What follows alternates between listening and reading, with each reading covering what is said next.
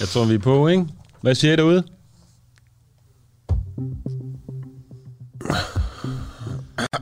er vi på? Vi er på.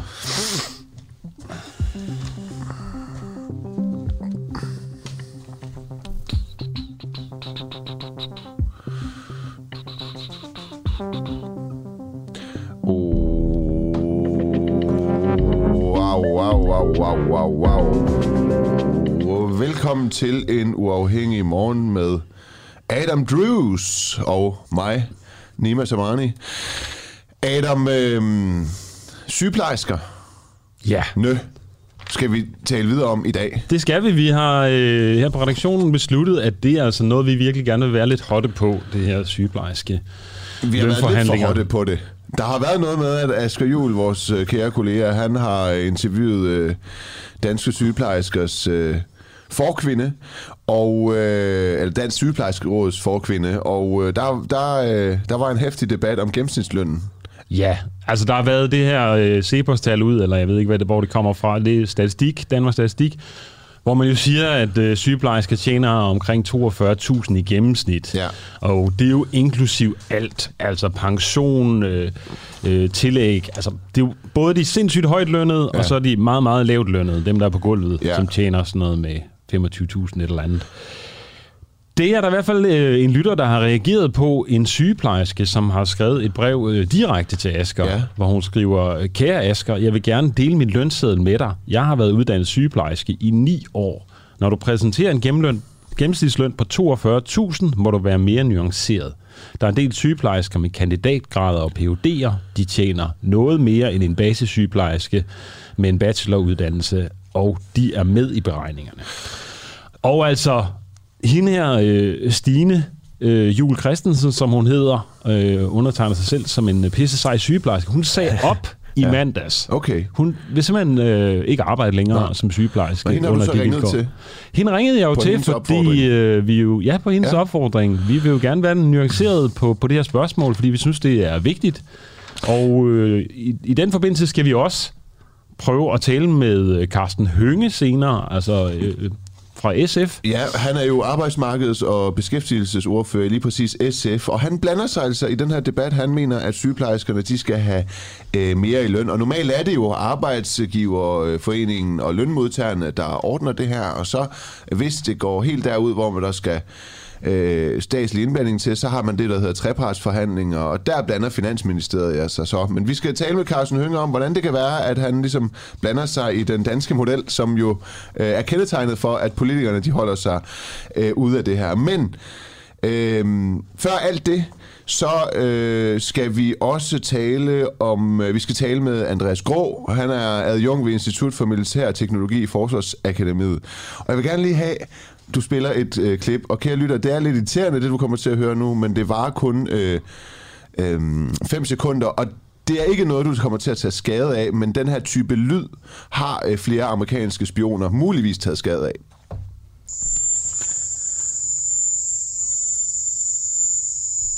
Så blev man også vækket derude. Ja, og det er altså fordi, at øh, pludselig ringen for ørerne er en fornemmelse af, at hovedet er ved at eksplodere. Det er nogle af de symptomer, 130 amerikanere, diplomater, embedsmænd, spioner eller soldater og eller soldater har rapporteret at have oplevet øh, siden 2016.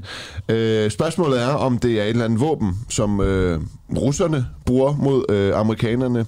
Det øh, bliver vi klogere på om et øh, kvarters tid. Ja, der er altså en masse mennesker, særligt øh, inden for det amerikanske ja, embedsvæsen, eller hvad Ja. ja. man siger, CIA-agenter og den slags, de har simpelthen været udsat for sådan en slags hovedpine og fået alle mulige symptomer. Kvalme. Kvalme. Yes. Og, og, Og øh, opkast. Og opkast. Og Ja. det, så mener man, spekulerer man i, altså CIA er ved at undersøge, om det simpelthen skyldes et sådan et lydvåben af en eller anden slags. Jeg sad hele natten og læste op på det her, Ja, det hører jeg jeg. kunne ikke sove, Ja. og jeg synes, det var så spændende. Og fandt også frem til den her lyd her. Det er den, det er den de altså har rapporteret og har hørt. Øh, den, jeg gentager lige, var ikke farlig, den lyd, vi, vi spillede her. Det var bare den type lyd, øh, der muligvis, muligvis ikke øh, er farlig og har skadet de her amerikanske embedsfolk. Og hvis du har taget skade, så er du velkommen til at sende en sms på 1245. Skriv det i UAH mellemrum. Og, og så øh, kan du øh, stille mig til ansvarlig. jeg er jo uddannet jurist, så jeg skal nok svare godt fra mig. Men først, Adam. Øh, nej ja, Send en sms på 1245. Start med DUAH, hvis du har et indspark i løbet af, af, af morgens øh, udsendelse til, til det, vi taler om. Øhm, Og så er det jo en særlig dag i dag. Og jeg tænker også for dig, fordi du har faktisk lidt lejlighed til at blive sportsjournalist. ja, Og det tænker jeg, det er noget, du, du altid er inspireret mod i det skjulte måske. Øhm, fordi vi skal jo øh, spille... Øh, er, det helt forkert? Nej, nej, Nej, nej, altid, okay. ja, ja, der er en, he- helt klart en, øh, en fremragende sportsjournalist gennem i mig. Men der er jo landskamp i dag. Ja. Danmark, Danmark, Belgien. Belgien. Yes. Og øh, der har jo været en masse snak om, øh, hvordan man skulle have reageret i forlængelse af øh, Eriksens øh, Hjertestop. hjertestop på banen. Og det taler vi med øh, sportskommentator for Ekstrabladet øh, Jan, øh, Jan Jensen om øh, i slutningen af øh, udsendelsen. Men først, Adam, der skal vi til øh, Grønland. Eller på en måde. Det er sådan, at øh, få dage før landstingsvalget i øh, Grønland i april måned, der satte øh, Ulla Østergaard, som er redaktionschef på TV2 News, sine journalister til at skrive en falsk historie øh, som ifølge Grønlands landstyrformand var plantet for at påvirke valget i, øh, i Grønland. TV2 de påstod fejlagtigt, at den grønlandske toppolitiker, øh, formanden for partiet, og hold nu fast, Inuit Ataqatigiit, han hedder Myte Ede fra, altså Inuit Ataqatigiit, at han havde, Flot, været, inha- flot, at han havde Ja. været inhabil i, øh, i to sager, øh, og deltaget i politiske beslutninger, der havde forgyldt ham. Der er altså en eller anden, der tipper TV2 om, at hans politiske modstander, Myte Ede, har været inhabil i forskellige sager, og han har forgyldt sig selv øh, rent økonomisk, må man antage. Spørgsmålet er så, hvem er det, der har plantet den her historie og fået TV2 og til at skrive en falsk historie om en politisk modstander? Et oplagt, en oplagt mistænkt, det kunne være Erik Jensen, fordi han kommer fra partiet Simuit, af det socialdemokratiske parti Simuit, som Ja. er rival til Myte Edes øh, parti. Men Erik Jensen, han har stået frem, han står nu frem og siger, det var ikke mig. Og øh, vores kollega Asger Juhl, han har talt med ham. Hvad, hvad mener du om sagen med, med TV2 og, øh, øh, og, og Muti? Vi synes selvfølgelig i Siumuts nydeledelse, at det er meget beklageligt øh, med den hændelse, der nu er dukket op øh, med falske historier, der er kommet i omløb øh, midt under en valgkamp. Og det er selvfølgelig også meget uheldigt, at øh, fordi i sådan nogle situationer er der måske nogen, der vil pege fingre af oppositionen til at have plantet sådan nogle historier frem. Og det skal jeg så prøve at afvise, at det er i hvert fald ikke fra vores nye ledelse, der er kommet den slags øh, historier frem. TV2 laver jo den her falske historie lige inden valget, som kan miskreditere Muti, der står til at blive valgt. Han, han bliver så valgt, øh, og han, øh, han, han leder jo den grønlandske regering nu. Men, men vil, vil du gerne have TV2 til at lægge deres kilde frem? Den kilde, som TV2 holder hemmelig lige nu, Ja. Ja. Det, er, det vil jeg meget gerne. det vil du Det er gerne jo have. skadeligt ja, det er jo selvfølgelig skadeligt for demokratiet, at, at, at når man prøver at forsøge at påvirke folks øh, opinion. Derfor må det selvfølgelig være klart, at medierne skal stå frem og give de oplysninger, ja. når man har fejlet, som, som vi også ser i den her situation. Så derfor synes vi også i den nye ledelse, som Siamut har jo haft landsmøde her i november sidste år, og at vi selvfølgelig gerne vil have, at uh, kilden, uh, at vi gerne vil vide, hvor kilden stammer fra, og det vil vi gerne forsøge at hjælpe dem om, fordi det kommer i hvert fald ikke fra os af. Det, det kommer ikke fra, fra Så- Siumut. Øh, Må jeg spørge dig om noget? Overhovedet ikke. Ved du ja. Ja. noget i den her sag, som du ikke vil sige? Jeg kender intet til, hvor det kunne have kommet fra, og så videre. Vi kan selvfølgelig bare beklage, at den er dukket op, og, at, øh, og, og hvis der er nogen, der prøver at pege fingre af mig, eller Men er der Eller det? det Er der nogen, der beskylder dig for det? altså, det, det er jo selvfølgelig klart, at når man sidder i opposition, og det er modstanderen, der selvfølgelig at dukker op med falske, historier- falske historier om, så er der nogen, der vil prøve måske at pege fingre af oppositionen. Så, Ja, det er øh, klart, man, man, modstanderne. man har jo det her princip, Men- men altså jo- follow the money, ja. eller man kunne sige, hvem har Ja, gavn af at miskreditere ja. Muti. Det er jo klart, det ville du have gavn af. Altså, øh, ja, men, ja. men jeg har slet ikke noget med det her at gøre overhovedet, og det er derfor, jeg klart afviser, og, og det er også derfor, at vi udtalte os i Berlinske Tiden og Weekendavisen og snakkede med Ekstrabladet og sagde, vi står gerne og hjælpe til for netop at finde kilden, hvem er det, der har blandet den her historie.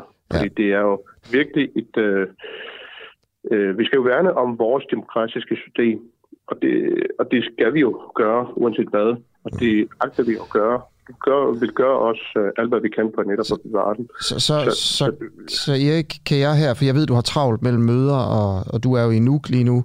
Øhm, Sisimiut. Du er i Sisimiut, okay. Ja. Kan jeg få ja. dig til lige her de sidste 10 sekunder af interviewet og, ja. og rette en henvendelse til TV2 og sige til dem, hvad du mener, de skal gøre? Ja, som jeg sagde det. Jeg mener helt klart, at når et medie, uanset hvem det er, skal komme og fortælle os, hvem der har givet de forkerte oplysninger, hvem kilden er, specielt i den her situation, hvor historien ikke er korrekt. Så det vil vi meget gerne have, at det kommer frem og, og fortæller os om. Fordi det er i hvert fald ikke os.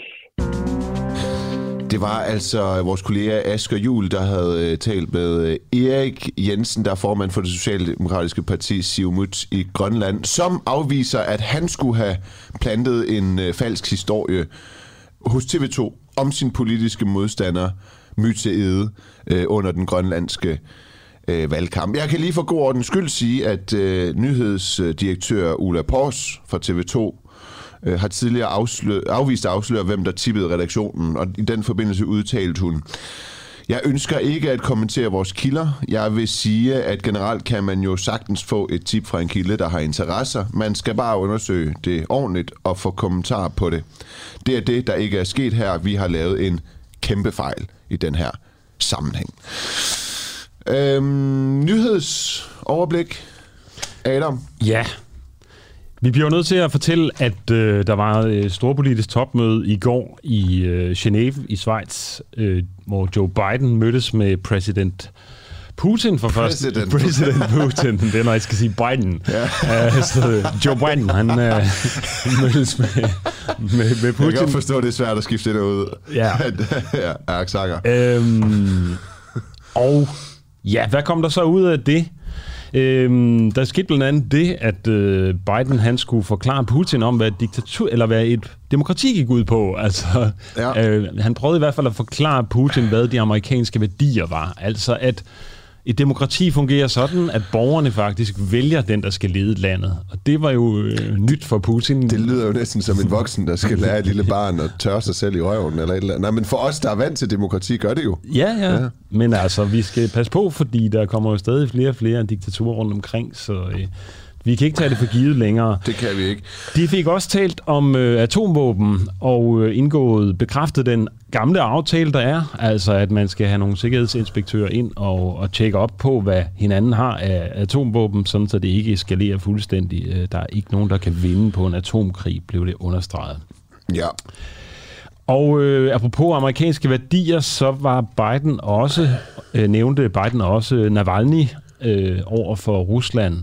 Altså ham, oppositionslederen, som frivilligt vendte tilbage til, til Rusland og øh, øh, straks blev sat i fængsel. Og han har jo ikke gjort noget ulovligt ud over at være i opposition til Putin. Og det er jo tit svært. Altså, der ryger man jo i, i fængsel. Ja.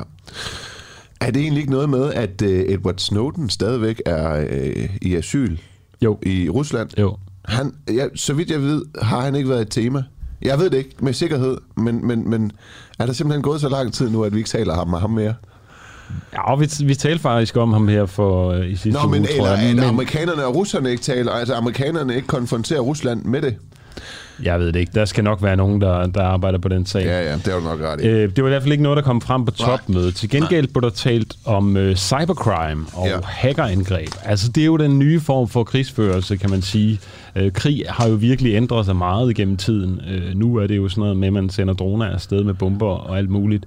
Men særligt den her cybercrime er jo noget, der øh, virkelig er eskaleret, øh, både fra russisk side, men også fra amerikansk side. Mm. Og... Øh, Og øh, der blev talt om at, at, at finde nogle røde linjer for, hvor stregerne går. Øh, øh, men altså, det er jo svært. At, at, altså, det er to mennesker, der mødes her, og øh, Biden har jo været ude og kaldt øh, Putin for en killer øh, i forbindelse med Navalny-sagen. Ja. Og, og ja, så øh, hvad kan man sige?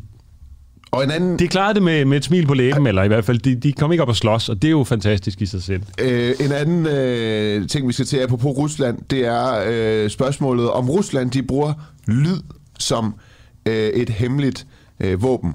Vi skal, lige, vi skal lige høre en lyd igen. På lige, på lige spil den. Jeg ved, du elsker det. Yes.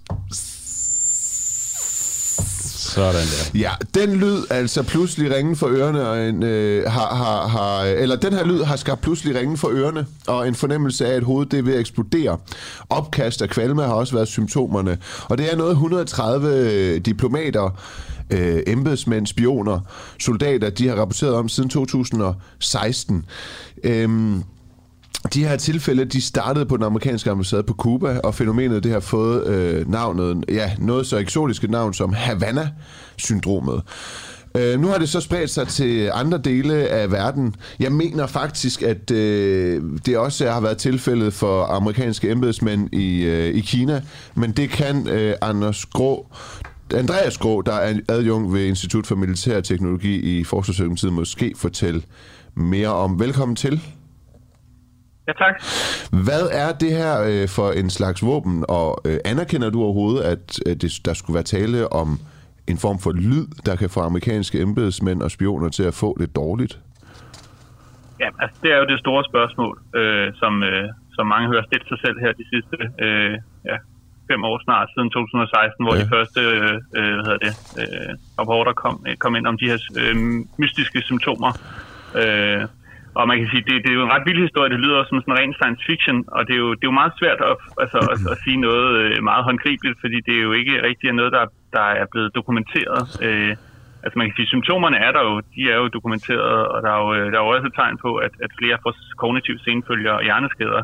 Ja. Men hvad det, hvad det konkret skyldes, øh, om det er øh, lydbølger, om det er mikrobølger, eller hvad det er, det er, det er, jo, det er jo meget, meget svært at, at komme fuldstændig til bunds i, fordi vi har at gøre med det her usynlige våben. Men, men er det det, fordi øh, altså, øh, i 2017, der udtaler den amerikanske udenrigsminister Mike Pompeo, at det er et øh, fuldstændigt sammenfaldende øh, tilfælde, at folk, embeds øh, ambassadearbejdere i Kina og øh, Cuba, er blevet sendt hjem øh, på, grund af, at det, altså på grund af, at det skulle være lyd.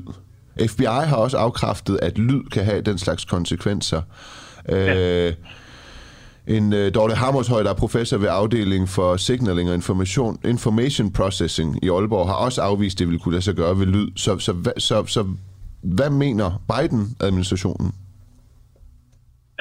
De har lavet flere forskellige rapporter, som er udkommet øh, her øh, efter øh, Biden også er trådt til, og han har jo også lige sat i gang i en større massiv undersøgelse af, af det her, hvor CIA-direktøren får, får daglige briefings nu om det. Så det er meget, der er jo tegn på, at de virkelig tager det her meget øh, seriøst. Øh, en af de, de rapporter, der er blevet offentliggjort, der er jo også, man kan sige, der, der, bliver, der bliver det her, man kan sige, at, at ultralyd er, øh, eller lyd i det hele taget, det, det der måske, øh, altså, det der mange, der vil, altså også forskere i det her, som jeg mener, det, det kan ikke, øh, hvad hedder det, øh, forårsage de her, øh, de her store skader og, og det, de her konsekvenser. Men, men, øh, men det er noget, noget mere sandsynligt, der er blevet nævnt, det er det mikrobølger, øh, eller det kan være mikrobølgevåben, som man har set før. Og i nogle af de rapporter, der bliver der jo nævnt, nævnt øh, altså at, at, og det er også derfor, hvor, hvor, hvor Rusland bliver nævnt som en, en mulig mistænkt i det her. Ja. Fordi at Rusland har sådan set øh, erfaring med, øh, med de her mikrobølgevåben helt tilbage fra den kolde krig. Det er også det, der gør den her historie ret interessant, fordi den på en eller anden måde både rækker tilbage i historien til den kolde krig, og også rækker viser frem og fortæller os noget om, om, om fremtiden. Kan, kan, du, kan du prøve at forklare, hvordan de brugte det under den kolde krig, og, og mod hvem? Ja, og det, er, øh, det kan jeg godt. Mm. Det, var, øh, altså, det var jo sådan en, øh, en, en ting, som man kaldte Moskva-signalet. Øh, og det var den, øh, den amerikanske ambassade i Moskva, som, øh, som angiveligt fra både helt tilbage fra 1953 og så op til 76 øh, blev udsat for, for øh, de her mikrobølgestråler. Øh, og hvor CIA i, i al hemmelighed satte i gang i sådan en, øh, en, en, en undersøgelse, for, fordi de var bekymrede for, øh, hvordan det påvirkede de amerikanske diplomater på ambassaden. Øh, om det var et forsøg på at, at påvirke deres adfærd og mentale tilstand, eller endda måske at få, få kontrol over deres hjerner. Det var sådan den her meget sådan, øh, koldkrigsagtige øh, tankegang, ikke? men man kan sige, man, man, man ved, at det var noget, de blev udsat for, de her mikrobølger. Man har, der er stadig tvivl om, hvorvidt, øh, hvor store skadesvirkningerne har været. Øh, det, det, det der, øh, man kan sige, flere af de rapporter, der er kommet efterfølgende, og, og historiske undersøgelser, er stadig sådan uenige om. Øh, men, men man ved i hvert fald, at det er et, et, et våben, som, øh, som russerne har brugt under den kolde krig, og som vi sådan set også, det, det, man kan sige, selvom det lyder meget øh, science fiction-agtigt og, og mystisk, så, så er de her øh, mikrobølgevåben også noget, som, som bliver brugt i, i almindelig, altså i krigsførelse. Øh, amerikanerne har brugt dem. Øh, så, ja. det, det, det, forstår jeg, men jeg kunne også forstå, at øh, FBI de afviser, at det kan være lyde, fordi hvis det har været lyde, så vil lydene alligevel genere så meget, at man i, på de her øh, hotelværelser og, og i de her hjem, det skulle have foregået, at så vil man holde sig for ørerne eller automatisk forsøge at forlade rummet, fordi man simpelthen ikke øh, kunne holde det ud. Øh, så er der noget en anden form for Øh, Øh, mikrobølger, som man bruger til demonstrationer for, for at adskille folkemængder, men, men, men der er det igen så intenst, at man bliver nødt til at komme væk fra det område. Øh, og med den øh, årsag afviser de så, at, øh, at det kan være lyd. Så spørgsmålet er, om den, de her mikrobølger, russerne er bekendt med at bruge, også under den kolde krig, øh, om det har været sådan en eller anden konstant baggrundsmæssig lyd, som man faktisk kunne gå i seng til, og så ikke vide, at det skadede hjernen, eller hvordan var det dengang? Jo, altså det, det er også lige vigtigt at, at man har med, fordi der er jo forskel på, på lyd, altså på lydbølger og ultralyd, okay. det er jo de her meget, meget højfrekvente øh, lyd, men det, det, det kan heller ikke bruges på lange afstand, det, kan, det, det er kun effektivt på kort afstand. Og så øh, mikrobølger, som faktisk er øh, altså elektromagnetiske stråler, og de siger jo ikke en lyd i sig selv, øh, men de kan gå ind, når de rammer øh, hjernen eller kroppen og øret, så er det, de kan forårsage den her ringe, den her sådan tinnitus-agtige tone, ikke? Så, så, så, så det kan sagtens være tilfældet, at, at man ikke har kunne høre den, men at det er en lyd, der bliver fremkaldt ind i hovedet, fordi det, de gør øh, angiveligt, det er, at de får, øh, de får øh, hvad hedder det, noget i kroppen til at stå og vibrere. Ja. Øh, men man har også brugt dem inden for det, man kalder anti-access area denial øh, systemer. Øh, ja. Sådan, øh, men, som, men, men hørte du den, den lyd, min, min kollega Adam lige spillede? Ja, ja det, det, det var ikke, øh, jeg kunne ikke høre det så godt. Prøv at spille igen, Adam. Du kan lige spille det der. Og jeg skulle lige sige til lytterne, at den her lyd ikke skader, men det er den her type lyd, Nej. de her spioner påstår at have ja. hørt. Så, så, så, så... Jeg, jeg kunne nærmest ikke høre den, men det har også måske noget at gøre med, at, at nogle af de her toner er der bare nogen, der ikke rigtig kan høre, fordi de er så høje. Jeg okay. har sådan en multiforskrækker siden i mit sommerhus, som jeg ikke kan høre, men som mine børn kan høre. Ja. Som også har en meget, meget høj tone. Ikke? Jo. Så det er jo... Ja, det, det er rigtigt. Hjemme med mine forældre, der kan de slet heller ikke høre, at deres fjernsyn det laver den lyd konstant. Det er kun nej, mig, der kan det. Men må jeg lige høre dig, kan der være noget andet, end at det er lyde? Andreas ja, Skov, kan det også... være noget, øh, noget, noget indbildning, eller kan det være noget andet? Ja, hele det her med indbildning, det er jo en, en, en historie for sig, kan man sige. Og det er, der er jo selvfølgelig nogen, som, som, som mener, at det her det er massehysteri. Øh, det er psykosomatiske symptomer, fordi at, at man har opholdt sig et sted, man, øh, man måske mente, man ikke følte sig tryg, og så, og så kan man sige, så, så får man det dårligt. Det er det her med at få en, en, en hovedpine og få kvalme det er, jo, det er jo noget, som ikke er fuldstændig usædvanligt, at man kan få. Så, så det, at det skulle være... Altså, det, det, altså, selvfølgelig kan man sige, at mange af de her symptomer er jo relativt enslydende, og når det begynder, og man kan se, at det også har haft altså, øh, hjerneskader og, og, og effekter, øh, så, så, så, så vil jeg så sige, så er der måske nok en, en god grund til at undersøge det nærmere i hvert fald. Ikke? Men det er det svære ved det her, det er jo det her med, at det er nogle relativt sådan, almindelige symptomer, man får. Øh, som, så, og, og, og det, at, at man kan så sige, okay, man kan skabe et, man kan se et mønster, man kan se nogle sammenhænge, det er jo ikke det samme som, at der er et bevis for, at de rent faktisk har været udsat for det her. Okay. Øh, man kan sige, der er jo også, øh, der er også nogle nævnt, at det kan være et, et drug, de har indtaget en gift, øh, som, som så efterfølgende kan være blevet aktiveret og, og, og har skabt nogle af de her effekter. Eller at det kan være sideeffekter af overvågning og indhentning af efterretninger. Altså at man har forsøgt at, at opsnappe nogle informationer fra nogle computersystemer med de her stråler, som så har, har skabt nogle af de her effekter. Så der er mange der er nævnt forskellige øh, okay. teorier. Ikke? Jo. Andreas K., der, der sker jo virkelig mange øh, underlige ting øh, i USA, øh, synes man for tiden. Ikke? Vi har også kørt denne her UFO-historie med, øh, som vi har haft en øh, dansk major til at øh, også være meget forundret over, og faktisk altså, sige, at det, det er en mulighed, at det var et eller andet Ej, han sagde det ikke eksplicit. Det, det tror jeg ikke, han måtte. Men altså, han var meget øh, øh, nysgerrig omkring det i hvert fald, hvad man skal sige. Ja. Man ser UFO'er, og nu også noget lyd her. Altså, hvad, hvad sker der? Er vi ved at... Øh, hvad, hvad sker der over i USA? Altså, hvad, hvad siger du til hele UFO-historien, kan jeg også spørge? Uh, øh, altså jeg, jeg synes jo også, jeg følger den der med nysgerrighed og, og interesse, Nej, men, men øh, jeg, jeg mener, om jeg ikke, jeg føler mig ikke kvalificeret til at kunne sige, men, om det Men hvis du, hvis du har lige været ved Institut for Militær Teknologi i Forsvarsakademiet, ja. så må du have gået op i, det, det, det, det er et bispørgsmål, vi stiller dig, men så må du have gået op i, om der har kunne være mulighed for, øh, at det er spionage. Ja. Er du på øh, UFO-holdet eller spionageholdet? jeg skal snart ikke. Altså, Eller har du et nyt hold, du gerne vil danne? Jeg, jeg, jeg, jeg, jeg er på begge hold. Jeg, jeg, jeg synes, det hele, det hele virker. Hele virker. Er det ikke lidt underligt, at de kun skulle flyve over USA, de her UFO'er? Taler det ikke for, at det er russisk spionage? Uh, det ved jeg ikke. Altså, man kan sige, der er jo nok også øh, en, en altså, amerikanerne har måske nogle, øh, hvad hedder det, Øh, andre muligheder for at øh, observere de her fænomener end, end andre lande, ja. altså end, end hvis det foregår et eller andet sted øh, ud over havet. Ikke? Så, så man kan sige, det, det ved jeg ikke, om der er noget underligt i, at det er lige der, at man, man, man får de her observationer. Øh, Okay. Andreas Grå, adjunkt ved Institut for Militær øh, Teknologi i Forsvarsakademiet. Tak fordi du var med. Ej, ikke igen. Nu nok. jeg troede helst, du var så glad for øh... den. Så får vi den her. Alright, vi øh, siger jo godmorgen her fra Den Uafhængige Morgen. Vi øh, er i studiet i dag, Adam Dreves og øh, Nima Samani. Vi sender en time, og vi vil rigtig gerne sende to, øh, og det gør vi, når vi rammer 3.000 medlemmer. Øh, det aktuelle tal, det er 2.222 Wow. Okay. Men vi skal altså op på 3.000, og øh, det skal vi gerne med hjælp fra dig, kære lytter. Altså, vi håber virkelig, at du har lyst til at gøre en indsats for, at vi får nogle flere medlemmer, der har lyst til at gå ind på vores hjemmeside, Den Uafhængige, og blive medlem af Den Uafhængige for bare 39 kroner om måneden, eller 349 kroner for et helt år. Ja, og vi vil altså sende to timer, hvis vi rammer de her 3.000 medlemmer inden øh, 1. Øh, juli, bare lige for at gentage det. Ja, lige inden sommerferien den 1. juli, hvor der også kommer til at ske noget andet her på Den Uafhængige. Der kommer et sommerprogram, og vi holder ferie, os to. Ja, det bliver dejligt. Men øh, det tror jeg bliver pitchet mere om lidt senere. øh, men det er i hvert fald en anden nyhedsflade, der kommer.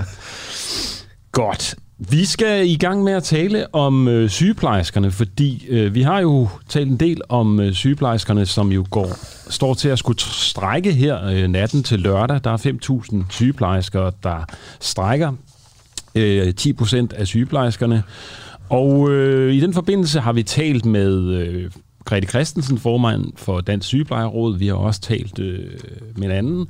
Og i dag skal vi prøve at tale med... Øh, eller vi har fået et brev, lad mig sige det sådan. Vi har fået et brev fra en sygeplejerske, som øh, hørte vores øh, interview med Inger, øh, Grete Christensen, øh, hvor Asker ligesom øh, lagde det her gennemsnit, løngennemsnit på bordet, der hedder 42.000. Øhm, og det opponerer sygeplejersken her stærkt imod. Hun skrev et brev til os, for som lyder, kære Asger, jeg vil gerne dele min lønseddel med dig. Jeg har været uddannet sygeplejerske i ni år. Når, når du præsenterer en gennemsnitsløn på 42.000, må du være mere nuanceret. Der er en del sygeplejersker med kandidatgrader og PhD'er. De tjener noget mere end en basissygeplejerske med en bacheloruddannelse, og de er med i beregningerne. Og Stine Jul Christensen, hun sagde sit job op øh, i mandags, fordi at hun ikke øh, kan være med til de her vilkår, og øh, vi vil ringe til hende for at få et mere nuanceret blik på de her lønsedler. Det du siger er, at grunden til, at vi regner forkert, det er fordi, vi simpelthen øh, har for meget fokus på, øh, på, øh, på det her gennemsnit, fordi der altså er sygeplejersker, der med kandidatgrader og Ph.D.'er, der, der trækker det her gennemsnit op. Er der andre ting, der trækker det her gennemsnit op, eller er det primært, øh, fordi der er rigtig mange med kandidatgrader og Ph.D.'er? Det tror jeg. Altså, nu, nu har jeg jo en masse kolleger på min arbejdsplads, og der er jo ikke nogen, der kan, der kan hvad hedder det, genkende til, til det løngennemsnit, som bliver fremstillet i diverse medier. Og jeg synes jo, det er et lidt skævt billede at sende ud til befolkningen, at vi tjener så mange penge. Jeg kan godt forstå folk, de mod det. Jeg synes, vi er forkælede snotunger, der, ja. der brokker os over en løn på øh, 42.700 kroner, og hvis jeg fik det, så ville jeg heller ikke bruge mig. Det ville Nej. jeg altså ikke. Men, men det får du jo faktisk, øh, hvis man tager alle tillæg og pension og det hele med. Nej, det gør du så 42.000. ikke. Det er der så nogen, der gør, eller 700 kroner. gennemsnittet gør, ikke? Ja. Ja. Jo, men det er jo dem, der har læst, ja, det er det, jeg mener. Jeg tror ikke, at, at dem med kandidatgrader og PhD'er, som sidder i lederstillinger, jeg tror ikke, det er dem, der er ude med fanerne nu, og som øh, opponerer mod lønnen. Det er jo ikke dem, der, der, der er frustreret. Nej. Det, det er jo Øhm. også på gulvet, som, som jo er super presset, og som får, får tildelt en masse arbejdsopgaver fra andre faggrupper, fordi at det er sparet væk Mm. i plejen, ikke? Og det bliver, jo heller ikke, det bliver vi heller ikke honoreret for. Hvad er det for nogle vi får heller ikke ekstra arbejdsopgaver? opgaver. Ja. Jamen, det er for eksempel øh, fra fysioterapeuterne. Så skal vi opstarte sådan noget lunge, lunge behandling om aftenen på patienterne. Det er jo normalvis en fysioterapeut-opgave, ikke? ja. Så har vi overtaget øh, forskellige opgaver fra bioanalytikere og fra læger og fra diætister, som også er sparet væk. Og det er vi jo heller ikke honoreret for, så vi står faktisk med et kæmpe ansvar inden for mange fagområder også. ja. Du sagde jo op i mandag, skriver du, øh, Det som jeg. sygeplejerske simpelthen. Øh, hvorfor gjorde du Ja. det? Jamen, det er jo det er primært på grund af mine arbejdstider, og så er det også på grund af, af min løn. Ja. Jeg har forsøgt at forhandle min løn med min chef, hvilket jo ikke ført til nogen, ført nogen vegne. Øhm, fordi jeg synes, jeg har et meget stort ansvar. Jeg er en af de mest erfarne på afdelingen, og jeg synes ikke, at min løn står mål med den løn, jeg får. Øh, og så arbejder jeg en weekend, og ja, jeg og vil godt hvordan, mere altså, kan man sådan forhandle sig til, hvor, hvor meget man skal have i tillæg og sådan noget? Øhm, man kan jo øh, man kan forhandle op, altså nu har jeg jo det her medbragt erfaring, og at man kan komme op på nogle kompetenceniveauer, hvor jeg ligger på kompetenceniveau 3, og det er jo det, jeg får det der tillæg for. Var det 1700 kroner eller sådan noget? Okay, så man 1900 kroner. forhandler, hvilket kompetenceniveau man er på? Ja, præcis. Ah, okay. Men der er ikke så mange penge at give af derude, så det, det var jo ikke muligt. Øhm, så jeg har simpelthen valgt at sige op, så nu skal jeg også læse en kandidat okay. og prøve at, at få Og- andre arbejdstider. På det. og, Ja. Lige At- præcis. Øh, som sygeplejerske, kan man så egentlig arbejde sådan helt almindelig 8-4 job, eller hvordan? Det kan man godt. Det okay. Kan du sagtens i et ambulatorie eller en klinik. Ja, Der tjener du så noget mindre, fordi der får du ikke nogen tillæg. Nej. Aftentillæg, nattillæg, weekendtillæg. Så der er det bare grundlønnen, du får. okay. Nu når du har sagt op, så kan jeg jo øh, tænke mig at spørge dig, om du ville være blevet i, i jobbet, hvis du nu havde fået forhandlet en højere løn igennem. Det kunne jeg godt finde på. Ja. Jeg er faktisk jeg er ret stolt af at være sygeplejerske. Jeg synes, vi gør en kæmpe forskel, og, og det, det, øh, det tror jeg, at de fleste sygeplejersker tænker, øh, at de gør. Øhm, men under de, de omstændigheder, der er lige nu, altså vi, vi har desperat mangel på sygeplejersker på min afdeling også, så vi er også enormt presset. Øh, og det, gør jo også, at jeg har to børn, og jeg er fraskilt. Så når jeg skal hente dem, øh, så har jeg jo ikke nogen energi. Nej, Øh, og, hvor, efter og hvad, kan du give os lidt eksempel, sådan et konkret eksempel på, hvor presset det er? Og, og, og, altså sådan, prøv at fortælle, hvordan det hænger sammen på sådan en virkelig presset dag. Øhm, hvad hedder det? Jamen, altså, vi kan jo møde ind til, øh, til sygdom, og, øh, og der, der, der kan vi ikke få dækket det personale, som, øh, som er fraværende. Så kan vi møde, og, og, s- ja, øh, så skal vi jo så skal vi jo så overtage plejen for, for de patienter, som de andre sygeplejersker skulle have passet, ikke? Mm. Øhm, og, og det er jo meget komplicerede patienter. Vi er, er på en ortopædkirurgisk afdeling, hvor vi har øh, traumepatienter, folk der kommer ud for trafikuheld, ikke? og vi har alvorligt syge tumorpatienter, svære rygpatienter, tunge, tunge rygpatienter, og alt går langsomt, fordi det er tunge, meget, meget syge patienter, Mm. så man kan jo ikke jappe igennem en arbejdsdag. Og det har jo så betydning, at der, der, kommer, der, der kommer jo arbejdsopgaver ind fra, fra siden hele tiden, vi skal, vi skal varetage. Så det har betydning for, at vi jo ikke måske får vores mad. Øhm, vi sidder tit og spiser frokost ved computeren, men det er jo ikke, altså det er jo det, er jo det alle de brokker sig over, ikke? at man ikke får spist, man får ikke, man, får ikke, øh, man kommer ikke på toilettet og så videre, ikke? men Okay. det er så, sådan, sådan en dagligdag er det bare. Ikke? Folk skal i ambulatoriet og tage patienter, der skal ind øh, til forundersøgelse, til, inden de skal opereres, ikke? og de går jo fra plejen også. Så står der måske en sygeplejerske tilbage til otte patienter til sidst. Okay, så det er Og, øh, primært det her med, at de simpelthen er underbemandede. Det, det er det, der er, Vi er, er det hårde. klart underbemandet. Ja. Helt klart underbemandet. Men alligevel siger du, hvis, øh, hvis der havde været et lidt højere tal på, på, på lønsedlen, så øh, ville du være blevet. Hvor meget højere ja. skulle det være blevet være? Altså nu kan jeg se, nu, lad os nu tage udgangspunkt i din lønseddel her. Der er det 27.500, øh, ja. der er fast løn. Hvor meget skulle ja. den op på, for du var blevet? Jeg synes, at min grundløn skulle være 32.000. Okay, det så synes jeg vil være fair løn. Det er, øh, nu er jeg ikke så god til hovedregning, men det er 5.000 ekstra. Øh, ja. 4.500 ekstra cirka, ja. Ja. Okay. Det synes jeg vil være en fair løn, med det ansvar, vi har. Øh, og, og de arbejdsopgaver, vi har. Vi har jo en bacheloruddannelse, altså vi har jo et meget, meget højt fagligt niveau. Vi sikrer kvaliteten i sygeplejersken, øh, eller, eller i sygeplejen, ja, og i behandlingen af de patienter, som, som er indlagt. Jeg synes, at, at vi, vi kan være stolte af vores sundhedsvæsen nu, men jeg, jeg er ret bekymret for, om, om vi kan fortsætte med at være så stolte af det, fordi det, det hænger det hænger rimelig meget lige nu. Det hænger lidt i laser. Ja, det må man sige, det gør det er jo altid, der er kommet forskellige meldinger ud. Jeg tror, at jeres øh, formand, øh, Grete Christensen, hun øh, sagde, at hun ville blive glad for 5.000 ekstra, og øh, i dag talte vi så med mig, eller i går talte vi så med Marietta Petersen, som er bestyrelsesformand i Foreningen af Danske Sygeplejer, og hun øh, vil gå med til 3.000. Så det, så det er der i et sted imellem, I alle sammen ligger, kan jeg forstå, mellem 3 og, og 5.000. Øh, du siger yeah. selv 4.500. Øh, det er jo altid svært at, sådan, at regne med de her tal, og, og, og det er vildt kompliceret. Øh, men man kan jo se det, det i forhold til de andre øh, offentligt ansatte. Øh, som det ser ud nu, der får øh, politiet højere løn end jer, øh, cirka 3.000 i gennemsnit, øh, og ja. en folkeskolelærer for os mere end jer. Ja. Øh, ja. Synes du, at, øh, at de skal have mindre end jer, eller, eller synes du, de, altså, skal I have mere end dem? Jeg synes, skal, også. Nej, det synes, jeg synes ikke, vi skal have mere end dem. Nej. Jeg synes, vi skal være på, på lige fod med dem. Og jeg må også sige, at effektiviteten af vores sygepleje, eller, eller vores arbejde, er jo nok også højere end for eksempel skolelærer. Altså når vi møder ind på arbejde, så har vi jo ikke forberedelsestid. Vi kan jo ikke sidde og forberede, Nå, hvad er det for en patient, vi skal have i dag? Hvad er hans sygdomshistorie? Hvad, hvad skal jeg? Altså, når jeg, er på arbejde, når jeg møder ind, så er jeg klar til at tage klokker.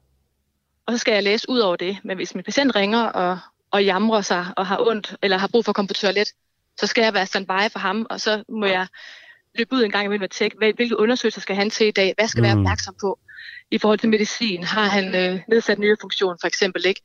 Men jeg har ikke tid til at forberede mig, for eksempel. Nej, men på den anden side, så kan man sige, så er du også fri for at forberede dig. Du kan møde ind, og så øh, går dit arbejde i gang, når du møder, hvor en lærer jo må sidde og forberede sig.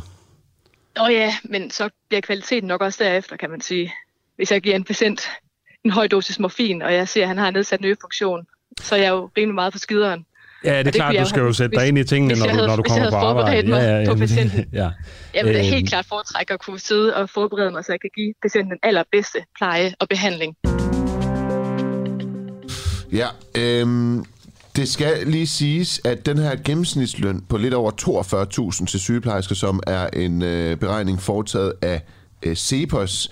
Den har Cepos faktisk ude og delvis beklage, fordi den er, beregningen tager udgangspunkt i kun én enkelt lønmåned i året, og det er januar. Og der har Cepos altså ikke lige taget højde for, at øh, i januar måned, der får man også lige en øh, julebonus, og derfor så ryger den helt op og rammer de der 42.000. Reelt er den på omkring de 40.000. Det skal så også siges, at den aldrig har været under de 40.000. Øh, det var en øh, længere artikel, som øh, BT øh, bragte i forbindelse med, øh, med det her. Ja, og det var jo så Stine Juhl Christensen, vi hørte her, sygeplejerske, der har sagt op, øh, som jo mener, at hele det her med at stille det op som 40.000 eller 42.000, at det er forfejlet. Hun viste os sin løncheck, hvor hun tjener de omkring 25-27.000. Fordi hun altså er nyuddannet også, ikke? Nej, hun har arbejdet i 8 år. Nå, undskyld, jeg ikke efter. efter i, uh... Men nu skal vi tale med øh, Carsten Hønge, arbejdsmarked- og beskæftigelsesordfører i SF. Og øh, normalt så plejer øh, arbejdsmarkedets parter jo at klare øh, sådan en øh, konflikt her, eller overenskomst selv. Men mandag sagde sygeplejerskerne klart nej til et overenskomstforslag, som blev stillet af Dansk Sygeplejeråd og regionerne. Det var ikke godt nok. Og det har blandt andet øh, SF taget som et tegn på, at der skal flere penge på bordet. Godmorgen, Carsten Hønge. Hej med jer. Hvor mange øh, penge skal sygeplejerskerne have mere i løn? Altså det her handler jo ikke om sygeplejerskerne isoleret. Det er dem, der er i konflikt nu, og derfor kunne jeg ikke drømme om at sige, at de specielt øh, nu skal have en ekstra pulje. det handler om, at vi skal øh, se sygeplejerskerne som frontløbere for alle i sundhedssektoren og for alle offentlige ansatte, og derfor er det noget, der skal løses i sammenhæng. Okay, så alle i offentlige ansatte skal i virkeligheden have højere løn, hvis det står til dig, eller hvordan? Nej, jeg siger bare, det skal løses i sammenhæng med alle offentlige ansatte. Det er det, det handler om. Ja. Og det, jeg går ud fra, at du refererer til, til denne her berømte tjenestemandsreform fra 1969. Er, er det det, jeg skal, jeg skal tænke på, når du siger det her? Ja, altså, man kan sige, at vi trækker en arvesøn med os, et, et spor for arvesøn med os fra 69, hvor vi stadigvæk har sådan en, en skæv øh, lønstruktur. Øh, men det er nu ikke det eneste, fordi fagforbundene og arbejdsgiverne har jo lige siden 69 indgået et udtal af overenskomster, som jo også indeholder nogle skævheder. Så derfor kan man ikke bare sådan sige, at det kun er arvesønnen fra 69. Det er en del af forklaringen, det var ikke hele forklaringen. Okay. Øhm, en ting, jeg har undret mig over, altså, vi har jo den her danske model i, i, i Danmark, som, som ordet lægger op til, ikke? hvor øh, arbejdsgiverne plejer at, at løse konflikten sammen med arbejdstagerne. Men i den her konflikt med sygeplejerskerne, er det så overhovedet muligt for, for regionerne at give sygeplejerskerne højere løn? Nej, det, det, det, det, er en meget, meget svær situation, øh, vi er i nu, hvor det er et enkelt forbund, der, der er gået alene, og, og uden umiddelbart, sådan, som jeg kan se det, sådan har, har opbakning fra de andre. Så derfor er det en helt, helt særlig situation. Men det er jo også styrken ved vores model, det er, at de brancher, de fag, der mener, at de har nogle helt særlige udfordringer, at de så også har mulighed for at gå alene. Så det, det er jo på en og samme tid en meget svær situation, og så er det også et udtryk for, at vi har en, en øh, altså nogle forbund, som, som den sygeplejeråd, der jo her har besluttet sig for at sige, at vi vil ikke finde os i det, vi har fået nok, vi vil gå selv. Og det har jeg enormt meget respekt for, det her medlemsdemokratiet i fagforeninger, som det her er et udtryk for. Men det er da helt åbenlyst for den at det er en meget svær situation, som man ikke bare lige finder en løsning på. For at komme med forslaget nu fra mig eller fra andre, er der et enkelt parti i Folketinget, der foreslår, at man bare midt i konfliktsituationen smider mange milliarder på bordet. Det, det vil bare faktisk gør situationen værre, hvis politikere går ind og gør det ikke lige nu. Ja, det er enhedslisten, der har været ude, ikke sandt? Det er dem, du tænker på. Ja. Ja. Men altså, er det ikke rigtigt, at arbejdsgiverne, altså, er de ikke underlagt en økonomisk ramme fra politisk side af, så, så de egentlig ikke kan gøre noget i forhold til at sætte lønnen op? Jamen altså, arbejdsgiverne i den, i den forbindelse her, det er regionerne og kommunerne. Ja. Øh, de kan jo så også presses, ikke? Fordi de er jo politikere, ikke? Og derfor øh, kan de jo presses af eksempelvis truslen om, altså om konflikt. Men jeg synes egentlig også, at arbejdsgiver, altså politikerne, både landspolitikerne og regionspolitikerne, de ligger, som de har ret i den her situation. Fordi enhver, altså enhver med bare en anelse fingerspidsfornemmelse, ved da godt, at vi har en ulmende utilfredshed, vrede, frustration blandt offentlige ansatte, især de lavest lønnede. Og derfor skulle man have grebet det her an for længe siden. og der skulle man jo, man kan jo stadigvæk jo gøre det efter, vi har fået løst sygeplejekonflikt. Skal stille sig i spidsen for, at vi får ryddet op i det offentlige løn her. At man virkelig får alle fagforbund, jeg understreger alle fagforbund, på, til at blande blodet på, at nu vil vi have en ny lønstruktur, og det skal man gøre i, i en aftale mellem alle fagforbund, regionerne, kommunerne og staten. Så at vi får et, altså, tændt håbet hos offentlige ansatte om, at vi får gjort op med det her. Men som man gør nu, der har de offentlige arbejdsgiver mest bare sådan valgt at se den anden vej, og det, det går nok over, og de holder nok op med at brokke og så videre. Det gjorde de så ikke. men, men, man kan, ikke, man har regler. men kan sådan en, en uh, omstrukturering af hele det offentlige lønsystem ske uden uh, hjælp, indgreb fra politisk side? Altså, skal, der ikke, skal de ikke have gang i trepartsforhandlingerne for, at det kan ske? Og tænker du på lige situationen lige nu, eller, ja. eller, eller med sygeplejerskerne? Ja, du taler jo om sådan en helt generel omstrukturering. Jeg så spørger jeg dig, spørger du til sygeplejerskesituationen eller generelt? Nej, sygeplejerskesituationen. Ja, lad os holde os ja, til sygeplejerskerne. Okay. Jamen, der, kan vi, der, der, må, der må kampen gå sin gang, vil jeg sige. Altså, der kan vi ikke gå ind og trække det.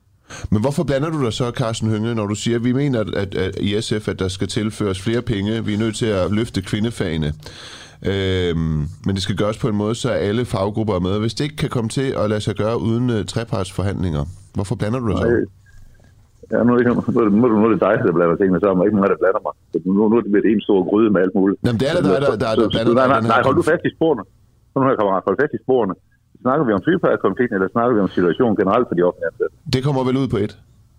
Nej, det For gør det netop taler om den gener- generelle situation for de offentligt ansatte, den kommer jo også til at påvirke sygeplejerskerne i den retning, de gerne vil have. Så du går jo op og bakker op om Jamen, jamen, sygeplejerskernes ej, ej, krav. ej, ej, ej. Ja, nej, nej. Nej, men lad, du, helt, helt, helt øh, sort på hvidt. Og nu skal du være Så- seriøs. Nu skal du være seriøs og stille nogle skarpe spørgsmål. Kom nu. Kom ind i. Kom ind i gang og vær skarp, ikke? Mener du ikke som arbejdsmarkeds- og beskæftigelsesordfører i SF, at sygeplejerskerne de burde få mere i løn, kvæg at flere i det offentlige generelt burde få mere i løn?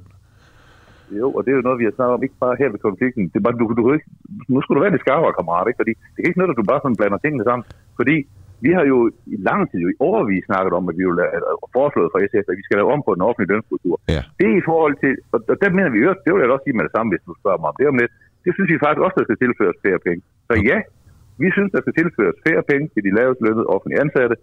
Vi kan, det vil vi gøre i den situation, hvor vi taler om alle offentlige ansatte. Så er der situationen lige præcis nu i Ja. forhold til sygeplejerskekonflikten. Der kan vi ikke gå ind, mener jeg, på nogen seriøs og saglig måde og sige, nu skal vi, lige mens de skal i gang med en konflikt, nu putte mere flere milliarder ind i deres særlige situation nu. Okay. Det kan vi ikke. Okay. Men sygeplejerskesituationen vil jo blive løst. Et løst og løst. Jeg kan håbe på, at vi kan lave en situation, hvor sygeplejersken kan se sig selv i det, hvor vi tilfører flere penge til, Og- til de offentlige ansatte, det men at alle forbund... Og det er så også derfor, jeg siger, Er du at hvis man ønsker at tilføre de offentlige ansatte øh, mere i løn, så vil det jo også automatisk påvirke positivt. Hvis man er tilhænger af, at sygeplejersker skal have flere løn, så vil det også Det er- påvirke dem positivt, ikke? Det er fuldstændig rigtigt. Ja. Ja. Det er bare ikke et udspil i forhold til den konkrete konflikt. Okay. Men du mener ikke i forhold til den konkrete konflikt, at uh, trepartsforhandlinger uh, forhandlinger er løsningen. Jeg vil bare lige være med. Øh, Det, vil der, der vil sige, det kan jeg simpelthen ikke sige noget om nu, fordi nu er ko- konflikten går i gang, og den respekterer jeg, og den må gå sin gang. Det er det, det altså, det, de går i sprække okay. fra, fra på lørdag, og det respekterer jeg fuldt ud. Om løsning på et eller andet tidspunkt kunne blive noget i den retning, det, det, det, det, det har jeg oprigtigt faktisk ikke nogen fornemmelse af i øjeblikket, om det kunne overhovedet være en løsning. Jeg tvivler lidt, vil jeg så sige, fordi hvordan skulle en trepart kunne gøre tingene anderledes end den forlisforhandling, der har været. Så der er faktisk svært ved at se løsningen i den retning, du spørger.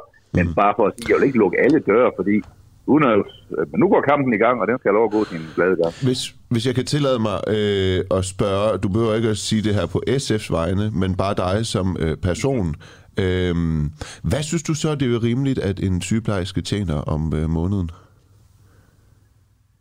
Se, øh, det er jo netop sagen. Jeg har været fagforeningsformand en gang, og det er jeg ikke mere. Så du siger, jeg kan jo ikke gå ind og sige, hvad et, øh, et enkelt fag skal have. Men det, jeg kan sige, det er, at vi kommer til at løse den ulighed, der er, hvor kvindefagene sakker efter de Ja. fag, der især er domineret af mænd.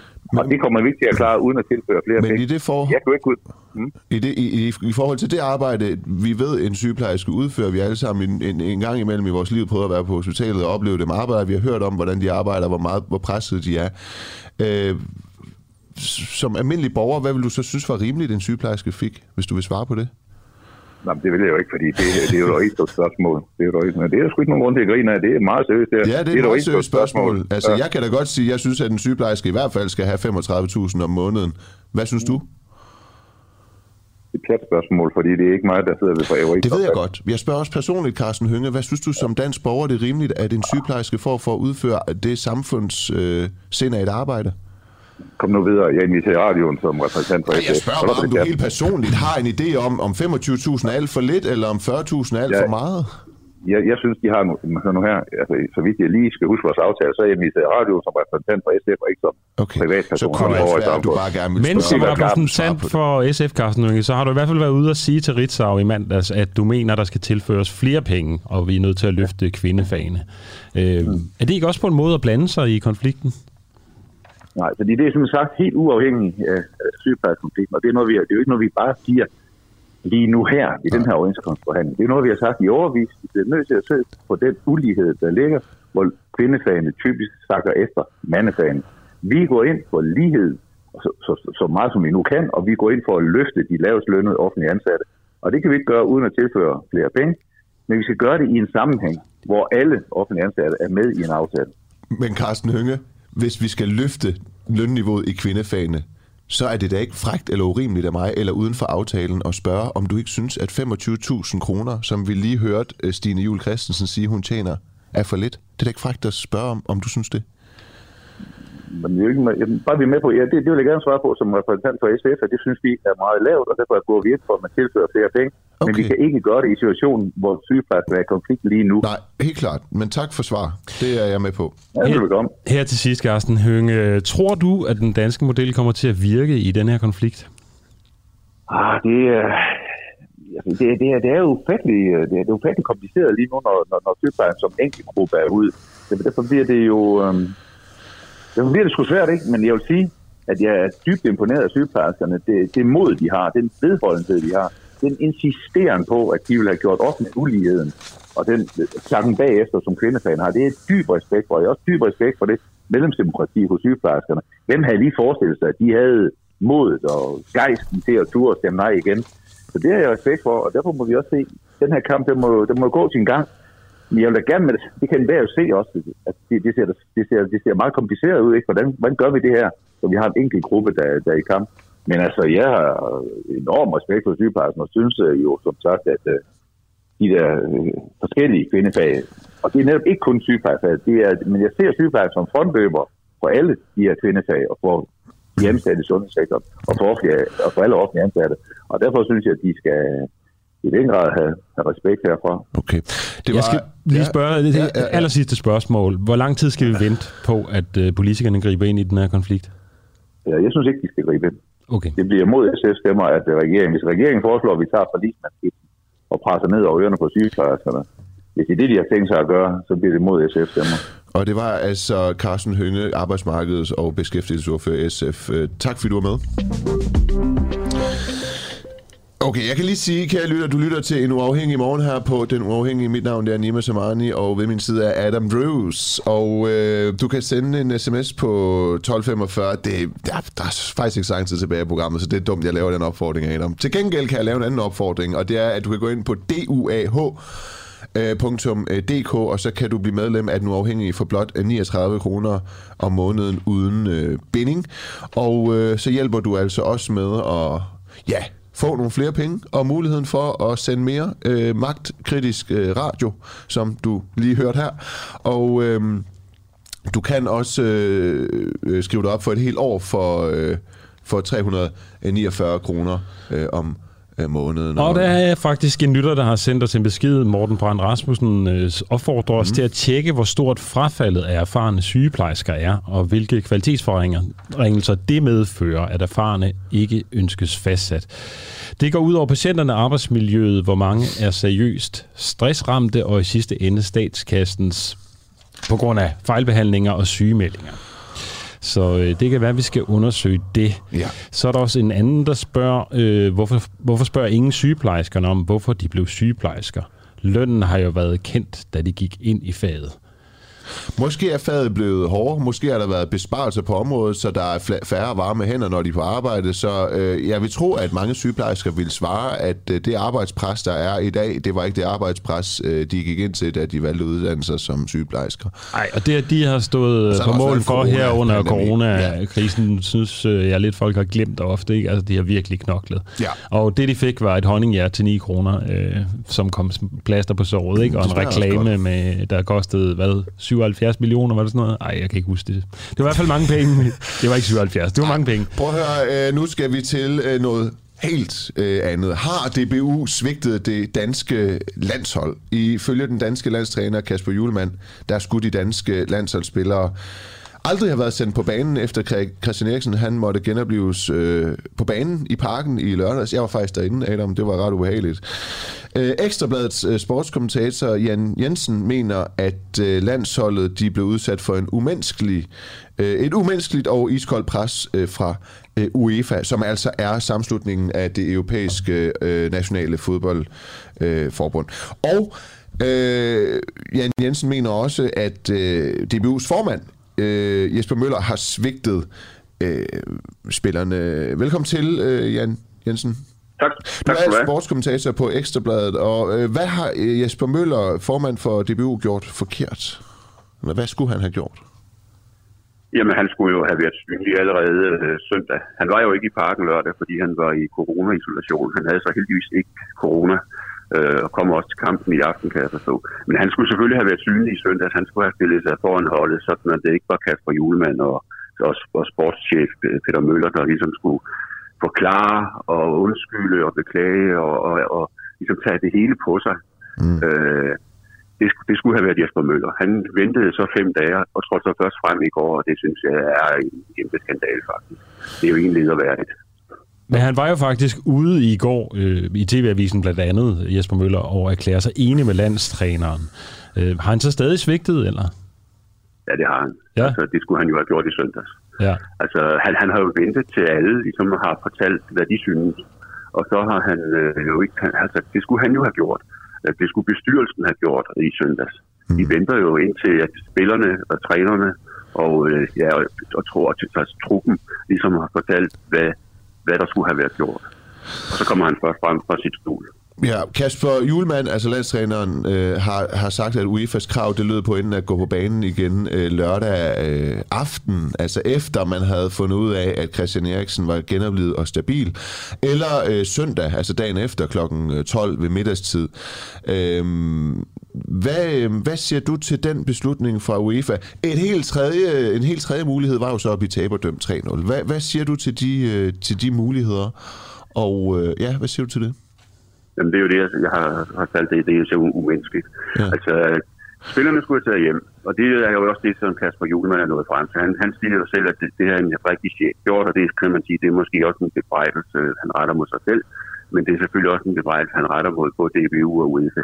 Spillerne skulle tage hjem, og så må man have fundet en, en tredje eller en fjerde løsning, og så må man have taget de der protokoller, som de arbejder efter, og så stoppet dem op i det sted. Fordi det her handler om et menneske, der lå på, på græsset og var ved at dø, ved genoplevet. Ja. Og det, det sætter jo et enormt præg på spillerne. Måske bliver jeg lidt uh, upopulær nu, og, og, og du må ikke misforstå mig. Jeg sidder faktisk herinde med den danske landsholdstrøje. Men jeg har grublet over, hvad uh, UEFA uh, ellers uh, skulle have gjort. Hvis man ser sådan lidt pragmatisk og kynisk på det, så får de muligheden for at spille færdig. Uh, det er selvfølgelig umenneskeligt. Der skulle de måske have været sendt hjem. De får også muligheden for uh, at komme tilbage søndag kl. 12 uh, og spille øh, færdig. Hvad skulle UEFA ellers øh, øh, have gjort? Altså øh, strengt taget, øh, så blev han genoplevet og var øh, stabil, øh, og må betragtes som en vanvittig skade så, men så skal man vel spille videre, skal man ikke det? De kunne have spillet den kamp øh, søndag aften kl. 9. Nå, så det handler simpelthen have... om, at de skulle have fået ni timer mere om søndagen så? Jamen, hvis de skulle have spillet kl. 12, er der ikke en af dem, der har lovet øje. Nej, nej. Men, men, er det ikke, men er det ikke vilkårene? Jeg ved godt, det er en falit erklæring, men, men er det ikke lidt vilkårene, når noget usædvanligt som det her sker, og en fodboldkamp jo alligevel skal afvikles færdig? de, kunne, de, kunne også, de kunne også takle kampen 0-0. Som den stod, jeg er sikker på, at finderne ikke vil have protesteret mod det. Men, men, men, men reglen er jo i sådan nogle situationer, at, øh, at man enten spiller kampen færdig, eller bliver taberdømt. Ja, men der er det jo så, jeg siger, så må nogen sætte foden ned og sige, et vist sted med de regler, fordi det her handler også om... jo, altså, men, men så siger du så øh, et vist sted med de regler, så, så, så, så det må vel være løsningen nu, at man laver reglerne øh, øh, om fremadrettet, men man kan jo ikke stå på det tidspunkt og sige, om nu laver vi reglerne om, fordi nu skete det her. De kunne sagtens spille den kamp om aftenen. Og det har selvfølgelig været at bøje reglerne lidt, men ja. der er ingen i hele verden, der vi har protesteret mod, at de har fået døgn til at, at komme sig. Det er bare fordi, jeg har lidt svært ved at finde ud af, om vi går så meget op i den måde, det her det bliver afviklet på, fordi vi selvfølgelig har en national følelse, og det er vores kære Christian Eriksen, øh, eller om der rent faktisk er noget galt med, med, med, med reglerne, når man bliver tilbudt at komme dagen efter og, og spille færdig klokken, øh, klokken, klokken 12. Jeg ser ikke nogen ideel løsning, det er bare derfor, jeg tænker, men, men ja. Det gør jeg heller ikke. Nej. Altså, der, er ikke, der er ikke nogen ideelle nej, det er, nej, det kan vi være enige men, om. men, det, men, men det valg, de kunne sætte over for, var bare umenneskeligt. Og det, okay. og, det, og det er spillerne, der ligesom får lov til at træffe det valg, det, hvilket også er helt umenneskeligt. Og det er også det, jeg blev af DBU. De skulle selvfølgelig have, have gjort det på spillernes vegne. Der skulle have været en leder til stede. Og de var jo hele bestyrelsen, bortset fra Jesper Møller, var jo i parken. Øh, Jan Jensen her til allersidst. Øh, Berlinske skriver i, i går aftes, at UEFA besøger København i morgen, i morgen, altså i dag, skriver de. Ja. Øhm, og de skal overvære aftens kamp i parken. Øh, tror du, der er et møde øh, mellem DBU og UEFA, hvor man skal tale om den her sag? Jamen, det, øh, UEFA er jo hele tiden. Øh, Nå ja, men, øh, ja, okay. På Berlinske er det som en nyhed. Ja, de er her jo hele tiden. Øh, og, det, og, og der er jo tæt kontakt hele tiden. skal vi jo ikke glemme, at øh, Jesper Møller er UEFA. Han sidder i UEFA's eksekutivkomité. Okay. Det, det er UEFA's eksekutivkomité, der har vedtaget de protokoller, som man spiller efter, og som man også spiller efter lørdag. Jan Jensen, du er øh, sportskommentator hos øh, Ekstrabladet. Tak fordi du var øh, med, og god kamp i aften. Ja, og lige måde. Tak. Det er godt. Hej. Hej. Og det er altså mod Belgien. Danmark spiller kl. 18 i aften. Øh, Belgien har jo udtalt, at de øh, ved 10. spilleminut, fordi Christian Eriksen spiller i øh, nummer 10, der vil de øh, skyde bolden uden for banen øh, til ære for Christian Eriksen, og så wow. klapper jeg ham. Og der tænkte jeg på ting, hvis El- Belgien har en rigtig farlig fri chance for en mål i præcis 10. minut, så tror jeg kraftigt ikke, de sparker den ud over sidelinjen. Men vi må se. Det bliver spændende. Det her, det var en uafhængig morgen. Mit navn det er Nima Samani. Dit navn det er Adam Drews. Yeah. Hvad ender kampen med i dag? Øh, Danmark taber 3-0. Okay, det var Jamen, kedeligt. Belgien er så gode. Morgenholdet er Niklas Krarup, øh, Eugen Shapiro, øh, Tobias Hjul, og øh, han får sig ikke god morgen.